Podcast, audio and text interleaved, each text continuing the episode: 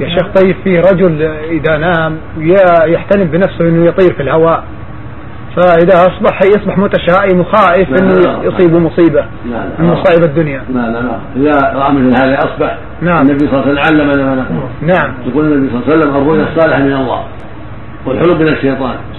فإذا رأى احدكم ما يكره فلينفث عن يساره ثلاث مرات ويتعوذ بالله من الشيطان من شر ما رأى ثلاث مرات.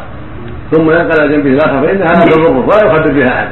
هذا دواء المراء المكروه المراء المكروه تشيء إليه وتحزنه إذا استيقظ عن يساره ثلاث مرات ويقول أعوذ بالله من الشيطان ومن شر ما رأى ثلاث مرات. ثم ينقل على جنبه الآخر فانها لا تضره ولا يخبر بها أحد. هذه السنة. أما إن رأى ما يحب فإنه يحمد الله ويخبر به من شاء.